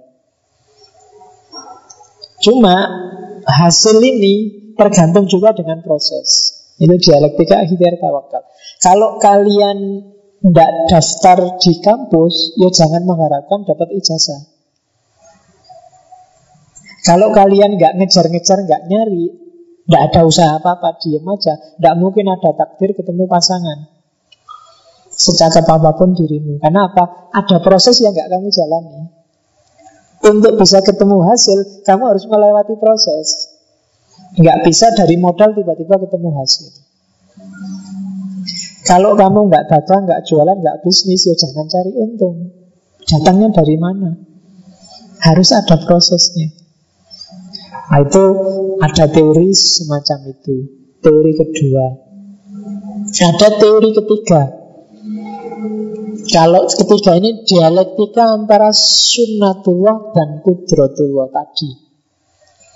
Hidup ini yang harus kita pedomani sunnatullah. Meskipun Jangan pesimis, jangan mudah putus asa Karena sewaktu-waktu Kudrotullah bisa datang Kalau kamu ada di apa wis Ambarukmo Plaza misalnya lantai paling atas Percayalah sunatullah bahwa kalau kamu loncat ke bawah itu kamu mesti mati, nggak usah jajal. Tidak usah pakai dalil hidup mati urusan Allah Pak, tidak usah. Terus pokoknya yakinlah bahwa kamu tewas kalau loncat ke bawah. Itu namanya meyakini sunatullah. Kalau kamu nggak bisa berenang ya jangan nyemplung di sungai, nyemplung di laut. Sunatullahnya kamu mesti kena ombak wafat. Innalillahi. Itu sunatullah. Meskipun seandainya kok tiba-tiba kamu nyemplung juga dan Allah intervensi jadinya kamu nggak tewas, itu suka-suka Allah, tapi tidak bisa dipedomani. Ya berdoalah untuk yang kudratullah ini berdoalah, rayulah Allah dengan usahamu sampai Allah berkenan ngasih hasil seperti yang kamu inginkan. Meskipun kamu kayak tadi jelek, kecil, keriting, tapi kalau Allah berkenan tiba-tiba kamu dikasih antitesisnya, ya maksudnya jadi kan ada yang pasangan itu dialektika Tesis dan antitesis. Ya, jadi Tapi kan hasilnya bagus sintesis. Jadi hidup ini pegangilah sunnatullah Tapi jangan putus asa Sewaktu-waktu akan datang kudratullah Allah bisa intervensi, tenang aja, nggak usah khawatir Oke, itu gaya ketiga Kan bisa kalian loncat dari amplas lantai paling atas itu ke bawah. Harusnya tewas saya tiba-tiba ada truk bawa kasur up itu terus pas di situ. Film-film itu kan sering gitu pas. Cuma itu bukan intervensinya Allah, intervensinya sutradara. Ya.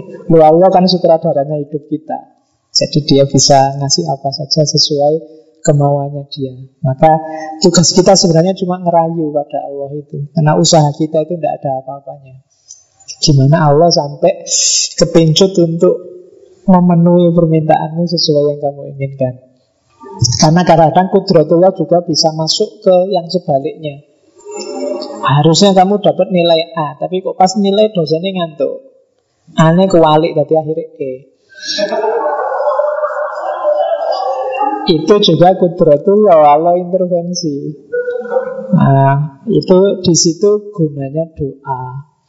Itu versi ketiga. Versi keempat, kompatibilisme itu ada yang bilang hidup ini jabariyah dari perspektifnya Allah.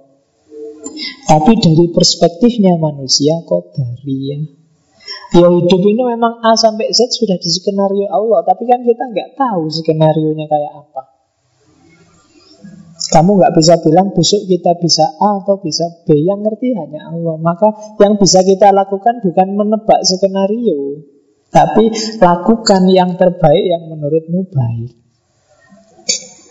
Kodaria Jadi hiduplah seperti seorang kodaria Karena kita manusia itu versi ketiga. Meskipun sebenarnya yang kamu anggap kamu bebas itu Sebenarnya nggak bebas. Allah sudah ngatur itu kamu tadi masuk, saya ngaji ke masjid ini rencana saya sendiri, saya eksekusi sendiri loh Pak. Enggak. Dari perspektifmu memang begitu. Tapi dari perspektif Allah itu sudah kecatat sampai detail. Kamu pakai baju apa, pakai daleman apa enggak. Kemudian tadi sore sudah mandi apa enggak. Itu sudah sudah ngerti Allah. Nah, itu perspektifnya manusia. Ada juga analisis kelima, kuli dan juz'i. Allah itu memutuskan yang besar-besar. Yang kecil-kecil urusanmu. Allah menakdirkan kamu besok lulus cum laude. Proses kecil-kecil menuju cum laude itu kamu sendiri yang main dialektika itu gaya kelima.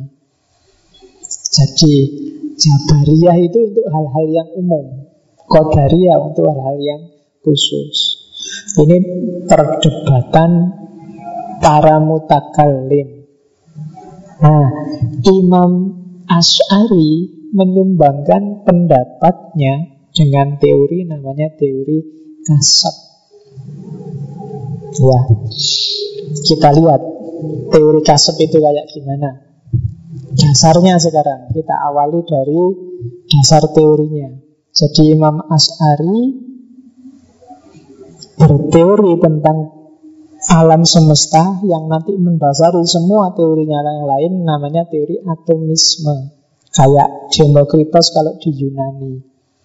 Bahwa alam semesta ini tersusun atas atom-atom yang membentuk realitas. Jadi atom itu unsur paling kecil. Kalian dulu di IPA fisika kan belajar itu. Kenapa jadi yang model kayak gitu? Ya ada atom-atom yang gabung kemudian jadi manusia, ada atom-atom yang gabung jadi hewan dan seterusnya. Jadi dasarnya alam semesta ini sifatnya atomistik. Nah, karakternya atom nanti kita kasih contoh biar lebih gampang. Karakternya atom kalau dalam Islam katanya Asari kalau dalam agama itu tidak dari ada terus menjadi tapi dari ada terus tiada. Dari tiada terus ada terus tiada lagi. Siapa yang bikin ini Allah. Kalau dalam teori fisika, atom-atom itu kan sifatnya menjadi dari monyet terus lama-lama berubah jadi manusia, dari kuman terus lama-lama berubah jadi hewan dan terus begitu. Nah, tapi kalau Imam Asyari enggak. Islam itu yang dikenal kreasio ex nihilo, mencipta dari nggak ada. Ya Allah bikin atom baru, bikin atom, jadilah manusia, manusia A jadi tidak ada dia jadi ada, besok nggak ada lagi. Kembali ke hakikatnya. Nah, atom ini untuk jadi sesuatu kan dia harus punya komposisi. Komposisinya dua, substansi sama aksiden. Kasih contoh. Mouse ini substansinya plastik, aksidennya bentuk mouse, warna mouse ini aksiden. Jadi konstruksi atomnya semacam ini. Contoh paling gampang kalau teman-teman susah membayangkan teori atomisme itu, bayangkan permainan Lego. Lego yang kecil-kecil, ngerti Lego ya? Anak kecil-kecil itu loh. Ada kotak kecil-kecil, tek tek tek digabung-gabung jadi dinosaurus, dibongkar lagi, digabung-gabung jadi manusia. Itu atom. Nah, dia wujud dinosaurus apa wujud manusia ini namanya aksidennya. Substansinya plastik yang kecil-kecil itu tadi yang disebut atom. Nah, alam semesta ini semacam itu konstruksinya. Dan Allah mewujudkan dan meniadakan atom sesuai kehendaknya. Jadi hidup kita itu sekarang katanya Imam Sari dibentuk Allah dari tidak ada jadi ada tidak ada lagi. Ini karena atom-atomnya kok mengalami transformasi. Dulu teman-teman bayi, bayi terus berubah dek, agak besar dikit, berubah dek. Ini sebenarnya konstruksi atom. Ini teori atomismenya Demokritos dari Yunani. Nanti ada Berkeley nanti ada Leibniz ngomong dengan gaya yang sama meskipun dengan teori yang berbeda. Kapan-kapan kita menuju ke sana kalau enggak muslimat. Oke, dan perubahan atom, pergantian atom itu melalui kehendaknya Allah. Teorinya semacam itu, implikasinya apa? Atomisme itu nanti lahirnya jadi okasionalisme. Karena segala sesuatu dari atomnya sendiri yang diciptakan langsung oleh Allah, berarti semua peristiwa itu saling putus. Tidak saling berkait. Tidak A jadi B, B jadi C Tapi konstruksi atom yang diintervensi langsung oleh Allah Berarti kesimpulannya okasionalisme. Okasionalisme itu tidak ada sebab akibat. Jadi penyebab itu ada atau tidak Terjadi atau tidak Itu semuanya tergantung pada Allah. Jadi Contohnya, saya minum, kan sekarang haus. Tak minum.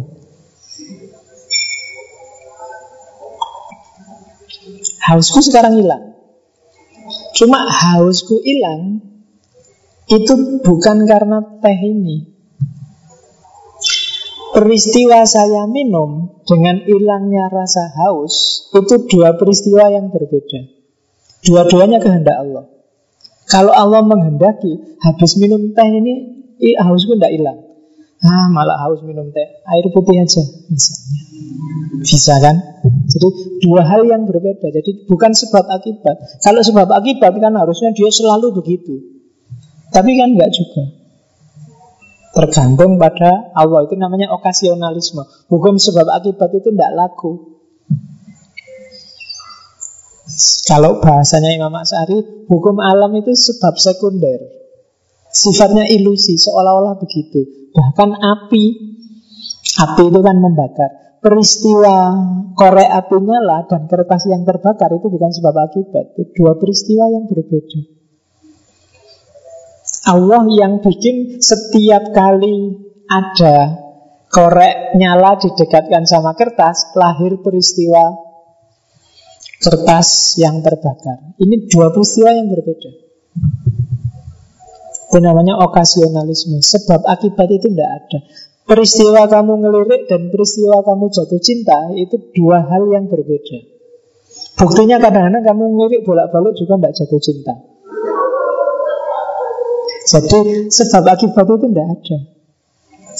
Peristiwa kamu ngaji dan peristiwa kamu ngantuk itu juga dua hal yang berbeda, bukan sebab. Bukan karena ngaji terus kamu ngantuk, waktunya kamu memang ngantukan.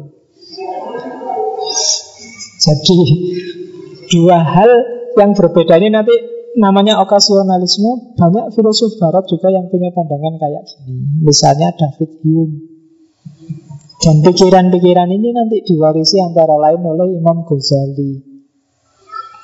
Imam Ghazali dikenal anti sebab akibat.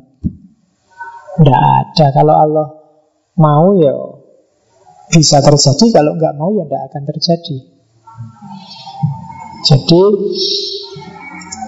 implikasinya atomisme berarti setiap peristiwa itu mandiri, pisah-pisah. Substansinya beda-beda. Dan itu semua atas kehendak dan perbuatannya Allah. Itu namanya okasionalisme. Oke, terus dari situ ini keputus ya. Masuk ke kasep. Apa sih kasep itu?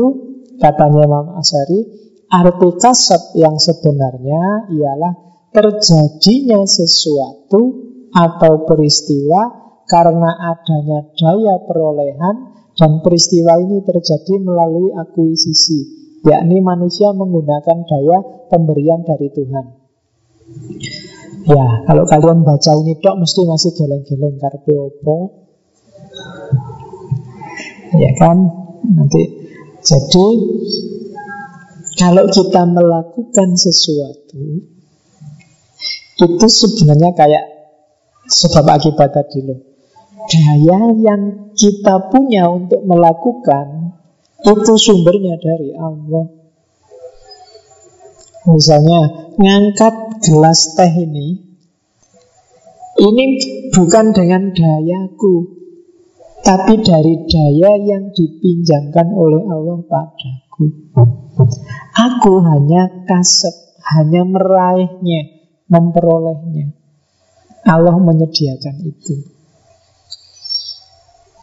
Jadi kalau Allah mau saya tidak kuat mengangkat ini. Cuma Allah minjamkan dayanya padaku sehingga aku kuat mengangkat gelas ini. Ini namanya kasep, pemerolehan. Nah, kita lihat asumsinya apa? Ini asumsi.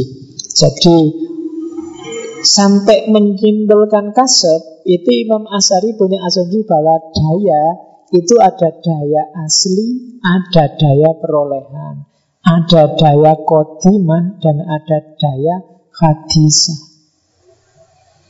Hadisah itu yang perolehan tadi. Dan daya yang sejati itu ya dayanya Allah tadi. Daya yang kodimah. Kita hanya pinjam. Kita hanya diberi oleh Allah. Itu asumsinya, kita lihat lagi. Kita pakai ilustrasinya Ghazali. Katanya Ghazali gini loh, contohnya sama-sama minum teh.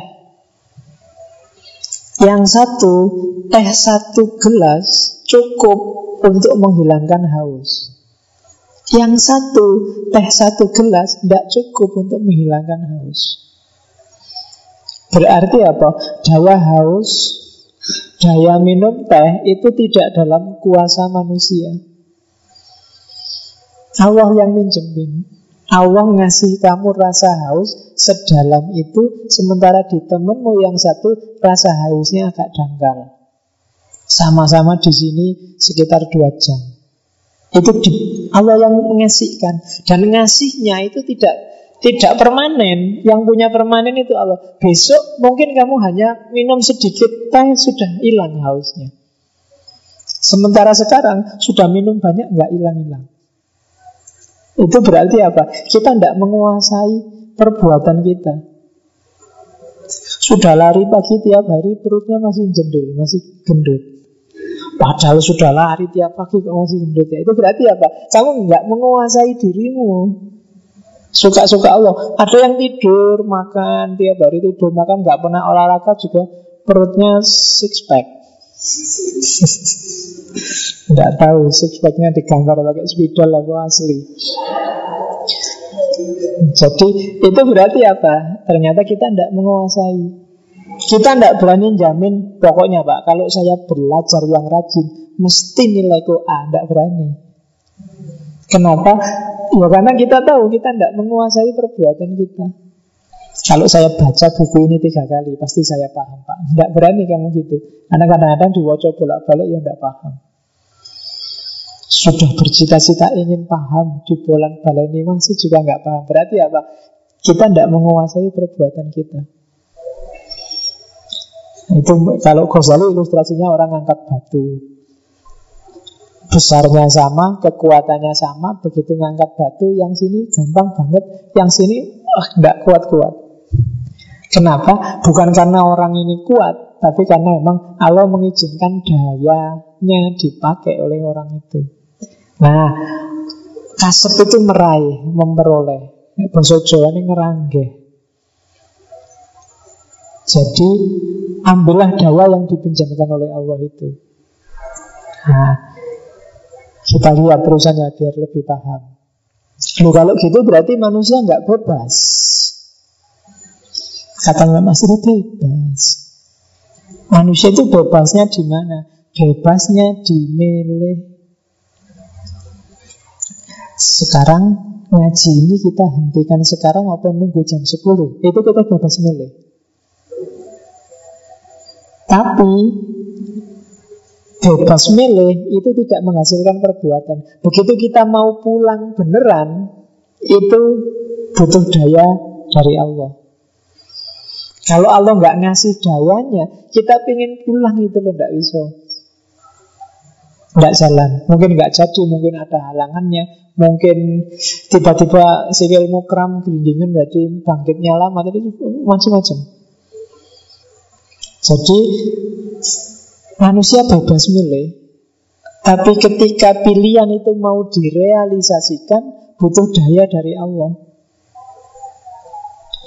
Kamu boleh Pokoknya Pak, saya putuskan semester ini saya sudah punya pacar. Boleh kamu milih gitu, tapi kamu dapat pacar beneran itu kamu butuh daya dari Allah.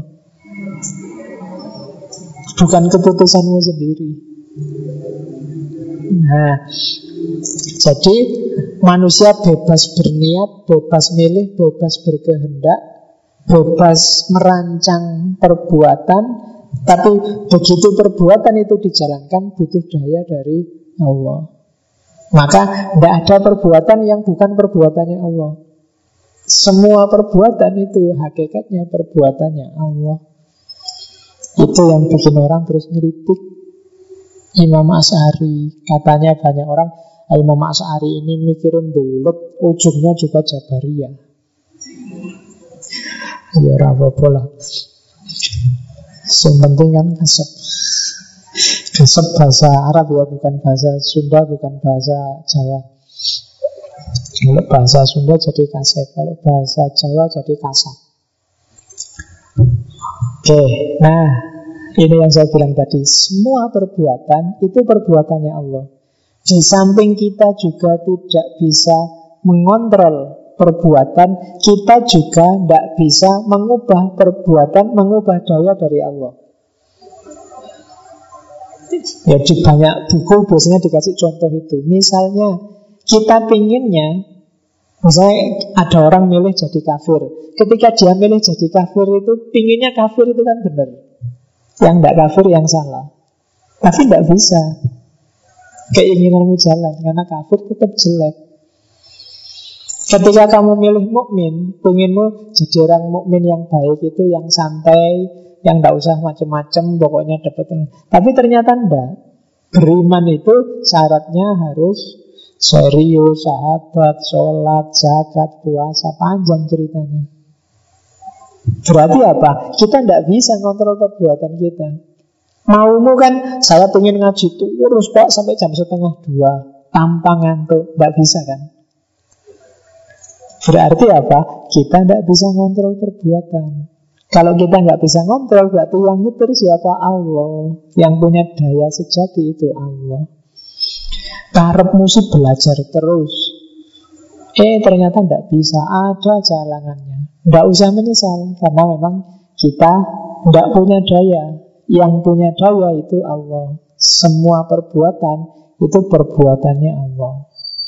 Ini yang biasanya orang susah sadar Dianggapnya dia berkuasa Padahal tidak Yang punya kuasa itu Allah Kalau Allah tidak meminjamkan dayanya Kita nggak bisa apa-apa Makanya di banyak kasus kan Banyak kiai bilang Carilah ridhonya Allah Karena kalau Allah ridho Kamu dikasih dayanya Kalau kamu dikasih daya Ya apa pun yang kamu lakukan akan kejadian tapi kalau nggak dikasih daya, ya nggak kejadian.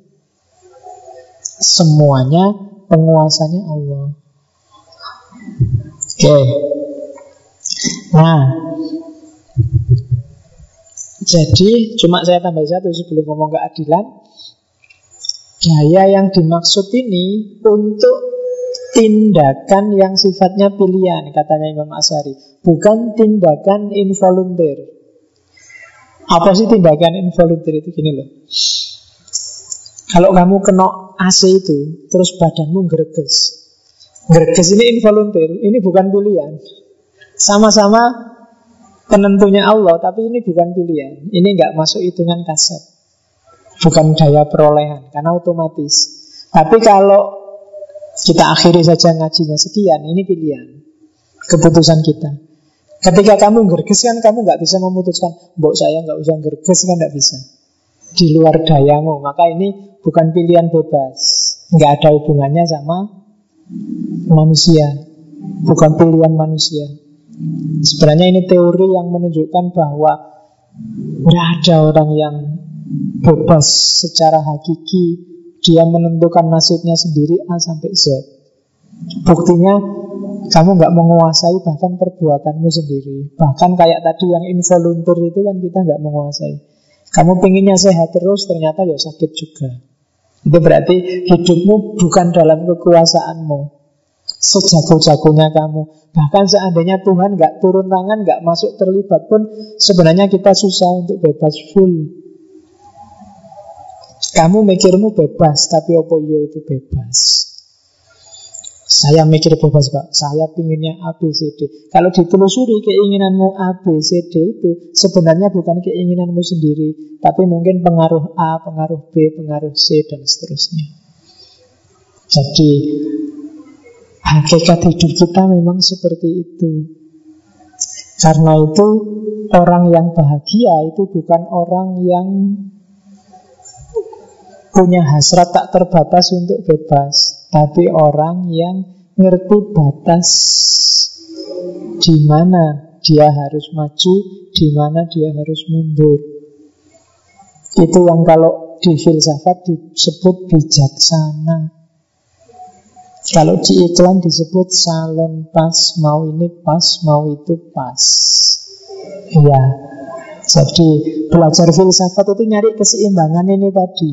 Biar kamu paham Kapan kamu harus maju, kapan kamu harus mundur.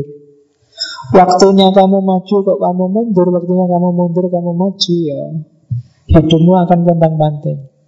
Waktunya harus nembak, kamu diam aja, begitu ditembak orang kamu stres. Salahmu dulu ini, dikasih kesempatan kok diam aja.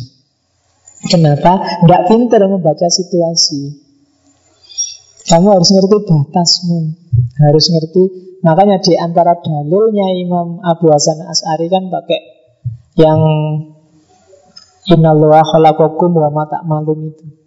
Sama ayat faqaddarnahu takdiro. Jadi setiap makhluk yang diciptakan Allah itu ada takdiro, ada kadarnya. Pahami kadarmu, hidupmu akan bahagia. Kalau kamu overdosis atau di bawah dosis dalam hal apa pun, kamu akan sumpek. Jadi cerdaslah membaca itu. Kalau enggak ya kamu nanti sumpeknya lama. Kenapa kok kuliahmu lama nggak selesai-selesai? Biasanya karena kamu nggak cerdas menghitung kadarmu sendiri. Ya kalau merasa lemah di materi ya kamu harus kuat di pendekatan personal misalnya. Itu kadar. Kalau nggak paham, ya gimana caranya? Jadi itu namanya fakot darnahu takdir. Kamu harus ngerti takdirnya. Nggak mungkin seruangan ini pinter filsafat kabeh, nggak mungkin. Pasti satu dua.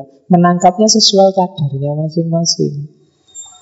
Dan makanya orang paling bahagia itu orang yang kenal dirinya sendiri. Kenal dirinya sendiri apa? Ngerti kadarnya. Enak kalau kamu ngerti kadarmu. Kalau kamu suka tidur ya kira-kira berapa jam sehari yang tidur yang bikin kamu nyaman. Setiap orang kan beda-beda. Kalau suka makan juga begitu. Kalau di bawah kadar kamu pusing, di atas kadar juga kamu mabuk. Nah itu pelajaran dari filsafat kebebasan yang utama itu sebenarnya. Bukan gimana caramu melampiaskan kebebasan. Tapi sejauh mana kamu ngerti batas bebasmu Di situ ajaran kebebasan dapat makna Bisa memberikanmu sesuatu. Kalau sekedar sakar PDW Setiap orang bisa. Yang sumpet kan efek dari sakar PDW itu tadi. Maka biar tidak jadi sumpek Kadarnya harus kalian pahami. Loh, kalau dalam agama maksudnya kayak Imam Ash'ari tadi Segalanya sudah dikadar oleh Allah Daya berasal dari Allah Allah ngasihnya sesuai kebutuhan kita Sesuai kepentingan kita Tinggal kita mau milih untuk melakukan atau tidak Itu kasat Terus Nah implikasinya apa? Implikasi dari kasatnya Imam Ash'ari nanti masuk ke pikirannya Imam Ash'ari tentang keadilannya Allah. Dia agak beda sama Mu'tazila. Kalau Mu'tazila, orang baik, orang Islam, orang soleh pasti masuk surga. Allah pasti adil. Yang jahat pasti masuk neraka, pasti disiksa. Itulah namanya keadilan. Katanya Imam Asri nggak begitu. Uang semua skenario nya Allah kok, daya juga dari Allah. Boleh kok kadang-kadang Allah ada orang jahat dimasukkan surga suka-suka Allah. Wong Allah itu dia penciptanya. Analoginya kan itu katanya di Imam Asari misalnya kalau kita menciptakan barang atau memiliki sesuatu yang berharga tapi sesuatu yang berharga ini kok kita taruh di tempat yang tidak berharga? Misalnya kamu punya HP terbaru Samsung yang S7, S8 Ya, itu Samsung itu lebih pinter. Kalian S2, S1 aja nggak lulus-lulus. Itu sudah sampai S7 Misalnya, terbaru Kok malah kamu taruh dalam WC Apa boleh? Katanya, ya boleh aja loh HP-HPmu sendiri. Ya kan? Sama kayak alam semesta ini. Ini kan ciptaannya Allah. Kalau Allah mau ada orang Kiai sejak kecil ulama ditaati orang malah dimasukin neraka. Gimana tuh Allah itu? Suka-suka Allah. Itu berarti Allah nggak adil, adil. Cuma adilnya Allah di luar kerangka berpikir keadilan kita. Aja dipadake. Gitu loh. Adil versi manusia tidak sama dengan adil versi Allah. Mungkin kita nganggapnya tidak adil, tapi itu keadilan.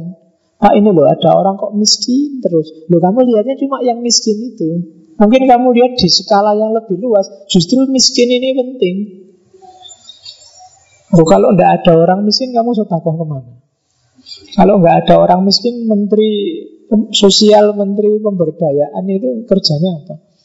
Kalau nggak ada orang miskin Mana siapa yang mau jadi buruh Siapa yang mau Oh ada penting jadi kamu nggak boleh menggugat keadilan Allah. Allah pasti adil. Hanya saja mungkin kita sering kali terlalu egois. Mikirin perspektif kita sendiri. Tidak melihat perspektif yang lebih besar. Dan Allah itu berada di luar perspektif manusia. Allah ngerti dia punya skenario sendiri. Ya kan? Ya kayak tiba-tiba kayak ceritanya Nabi Musa sama Khidir itu kan. Ada anak kecil nggak ngapa-ngapain lagi main-main di luar tiba-tiba dibunuh. Oh itu kejahatan luar biasa kalau ada KPAI itu langsung ya kan anak kecil nggak ngerti apa-apa tiba-tiba dibunuh. Tapi kan kalau ilmu kita kayak Khidir ngerti ke depannya kayak gimana kita oh iya ya wajar ya dibunuh. Sudah ditumpangi orang naik kapal di tengah jalan kapalnya malah dilubangi. Tidak tahu terima kasih tidak masuk akal itu. Ya kan? Tidak adil dia bayar aja enggak dikasih tumpangan malah ngerusak. Ya kan? Mikir kita sempit sebatas itu tapi kalau jangkauan wawasannya jauh kita baru ngerti oh ya ya malah selamat yang dilubangi tadi itu baru sedikit itu sementara Allah yo karena dia menciptakan wawasannya dunia wa mafiha jadi dia lebih ngerti. Jadi kalian nggak usah ngenes, Pak saya itu gimana ya Allah itu ya. Sudah miskin, jelek, bodoh, terus ah, susah Pak saya itu. Allah nggak adil. Kan kami sering gitu loh. Lihat di skala yang lebih luas. Jangan-jangan itulah keadilannya Allah. Justru kamu yang kayak gitu jadi perhatian. Kalau kalau wajahmu standar kayak yang lain dicuekin Tapi kan unik kan eksotis loh kamu Beda sama yang lain kan gitu Jadi itulah keadilannya Allah Itu loh Itu pikirannya Imam Asari Jadi Mungkin besok ada orang jahat tapi dimasukkan surga sama Allah. Allah yang lebih tahu. Itu tetap adil. Allah ngerti skenario nya. Itu kan kayak humor ada sopir bis yang dimasukkan surga duluan dibandingkan kiai. Karena waktu karena sopir bis itu banyak bikin orang ingat sama Allah, sementara kiai bikin orang lupa. Karena kalau kiai ceramah orang ngantuk, sementara kalau sopir bis lagi ugal-ugalan orang istighfar semua. Jadi dia masuk surga duluan. Loh itu kan jangan-jangan Allah mikirnya juga sejauh itu. Jadi oh ini supir bus harus masuk duluan ini bikin orang istighfar terus tiap hari. Oke, nah itu keadilan Allah. Terakhir, menurut saya yang menarik ideologinya As'ari ini termasuk yang kasep adalah kita beragama harus optimis, jangan putus asa. Merasa banyak dosanya tenang aja. Gitu. Masih ada kemungkinan selamat. Yang penting kita mukmin. Pak dosa saya nggak tertanggungkan Pak gampang. Ada tiga, masih ada tiga peluang. Yang pertama, Allah itu maha pengampun. Bisa kok kita nanti diampuni oleh Allah. Apa sih susahnya Allah mengampuni? Allah tidak kurang apa-apa dan tidak Toh kita dimasukkan neraka juga Allah nggak rugi apa-apa juga tidak untung apa-apa. Jadi semuanya serahkan pada Allah.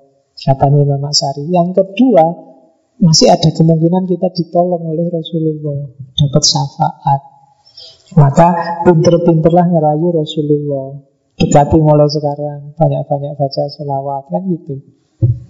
Karena ada kemungkinan gitu. Karena kalau Rasulullah yang ngomong, Allah itu tidak mungkin bisa bantah. Bukan kekasihnya, pacarnya. Kayak kamu aja yang pacarmu Ngantuk-ngantuk disuruh jemput kan kamu paksain jemput. Apalagi Allah sama Rasulullah. Jadi tenang, masih ada kesempatan. Yang terakhir, saat pesan-pesannya Ya mungkin kamu nanti mampir di neraka sebentar. Jangan khawatir, sebentar aja kok. Nanti akhirnya akan dinaikkan ke surga. Kalau Allah sudah bosan, sudah Ah, bosan lihat kamu di neraka terus, ya terus dibawa ke neraka, di ke surga. Sudah kamu ke surga aja. Ganti yang lain kan bisa jadi kayak gitu. Jadi itu namanya optimisme teologis. Jangan gampang ngafir-ngafirkan orang bid'ah bid'ahkan orang nyalah-nyalahkan orang. Jangan-jangan yang kamu salah-salahkan itu besok duluan karena diampuni dulu sama Allah. Wah dosamu habis, jangan-jangan kamu memang kafir, tapi karena dicaci maki terus, dosa kafir tak. Jadi langsung diampuni. Sementara yang bagus yang tiap hari mencaci maki oh, kualik malahan dia dapat banyak. Ya kamu orang bener orang lurus tapi kok ya tiap hari caci maki kualik sekarang. Kamu disuruh mampir dulu di neraka. Itu optimisme teologis. Maka ini sebenarnya ajaran moralnya As'ari ketemu siapa pun termasuk para pendosa besar jangan merendahkan mencela karena dia masih bisa selamat. Yang enak kan kayak Syekh Abdul Qadir Jailani itu kan ketemu siapa pun posisikan dirimu di bawahnya. Kalau ketemu orang sesat ya bayangkan wah ini dia sekarang sesat kalau besok tobat dia selamat. Sementara saya ini merasa benar tapi besok kalau lupa terus tersesat aku yang sesat. Kan bisa gitu. Kalau ketemu anak kecil Wah, ini anak kecil dosanya masih sedikit, sementara aku sudah besar dosaku banyak. Kalau ketemu orang lebih tua, oh ini lebih tua, pahalanya mesti lebih banyak. Sementara aku masih muda, pahalaku masih sedikit. Ketemu orang pinter, wah ini orang pinter, amalnya mesti banyak. Sementara aku masih bodoh. Ketemu orang bodoh, wah ini orang bodoh, kalau salah dia tidak ngerti. Sementara kalau aku pinter, saya akeh salah, dosanya double. Jadi kamu tidak memposisikan dirimu di atas. Itu yang sebenarnya pesan moral dari optimisme teologisnya Imam Ash'ari. Oke, Alhamdulillah sudah selesai kita dengan Abu Hasan al-Ash'ari Tokoh yang kontroversial juga dalam dunia teologis Karena di beberapa tempat dia dianggap tidak konsisten tapi saya bilang tadi, membaca Imam Ash'ari, perhatikanlah konteksnya. Dia sedang mengkritik siapa, melawan siapa. Tidak semata-mata kamu gandengkan pikirannya yang awal sama yang akhir. Sama kayak ngaji filsafat ini, kalau kalian jujur semua isinya ngaji, ya mesti banyak yang tabrakan. Kadang ngomong Ibnu Arabi, kadang ngomong Kalma, kadang ngomong Nietzsche itu kan tidak karu-karuan di sini. Dan rasanya kok bener kafe itu mungkin kalau kamu ingin ingin janjani pikirannya Wak Faiz itu gimana ya, itu kamu bingung dulu mesti. Yang saya nggak pernah ngomong pikiranku sendiri kan. Tiap ini kan selalu jadi juru bicaranya orang-orang ini. Siapa pun orangnya. Ya kalau kamu jeli mungkin bisa narik dikit-dikit janjani perspektifku itu kayak gimana. Jadi itu untuk Abu Hasan As'ari Tradisi kalam sudah untuk kebebasan Minggu depan kita masuk ke tradisi tasawuf Kita ketemu dengan Ibnu Arabi. Sesi terakhir kita untuk filsafat kebebasan Bulan Agustus. Nanti September temanya apa masih belum terbayang. Yes, semoga masih ada daya yang diberikan Allah untuk kita ngaji Sakuate Kan ini juga dayanya dari Allah. Kalau Allah nggak ngasih daya yang mungkin kita tidak akan ngumpul di sini tiap malam kemis. Nah Semoga daya itu diiringi keridoannya. Karena kalau Allah sudah ridho Apa-apa mesti lancar. Dan semoga kalau ada yang keliru dikit-dikit Allah tidak marah Syukur-syukur ngasih pahala meskipun satu. Yang salah kan dikasih satu sama Allah. Semoga Allah nggak lupa sama janjinya Kalau salah dikasih satu Kalau benar dikasih dua Oke, saya kira itu Kurang lebihnya mohon maaf. Wallahul muwafiq. Wallahu a'lam bissawab. Wal afu minkum. Wassalamualaikum warahmatullahi wabarakatuh.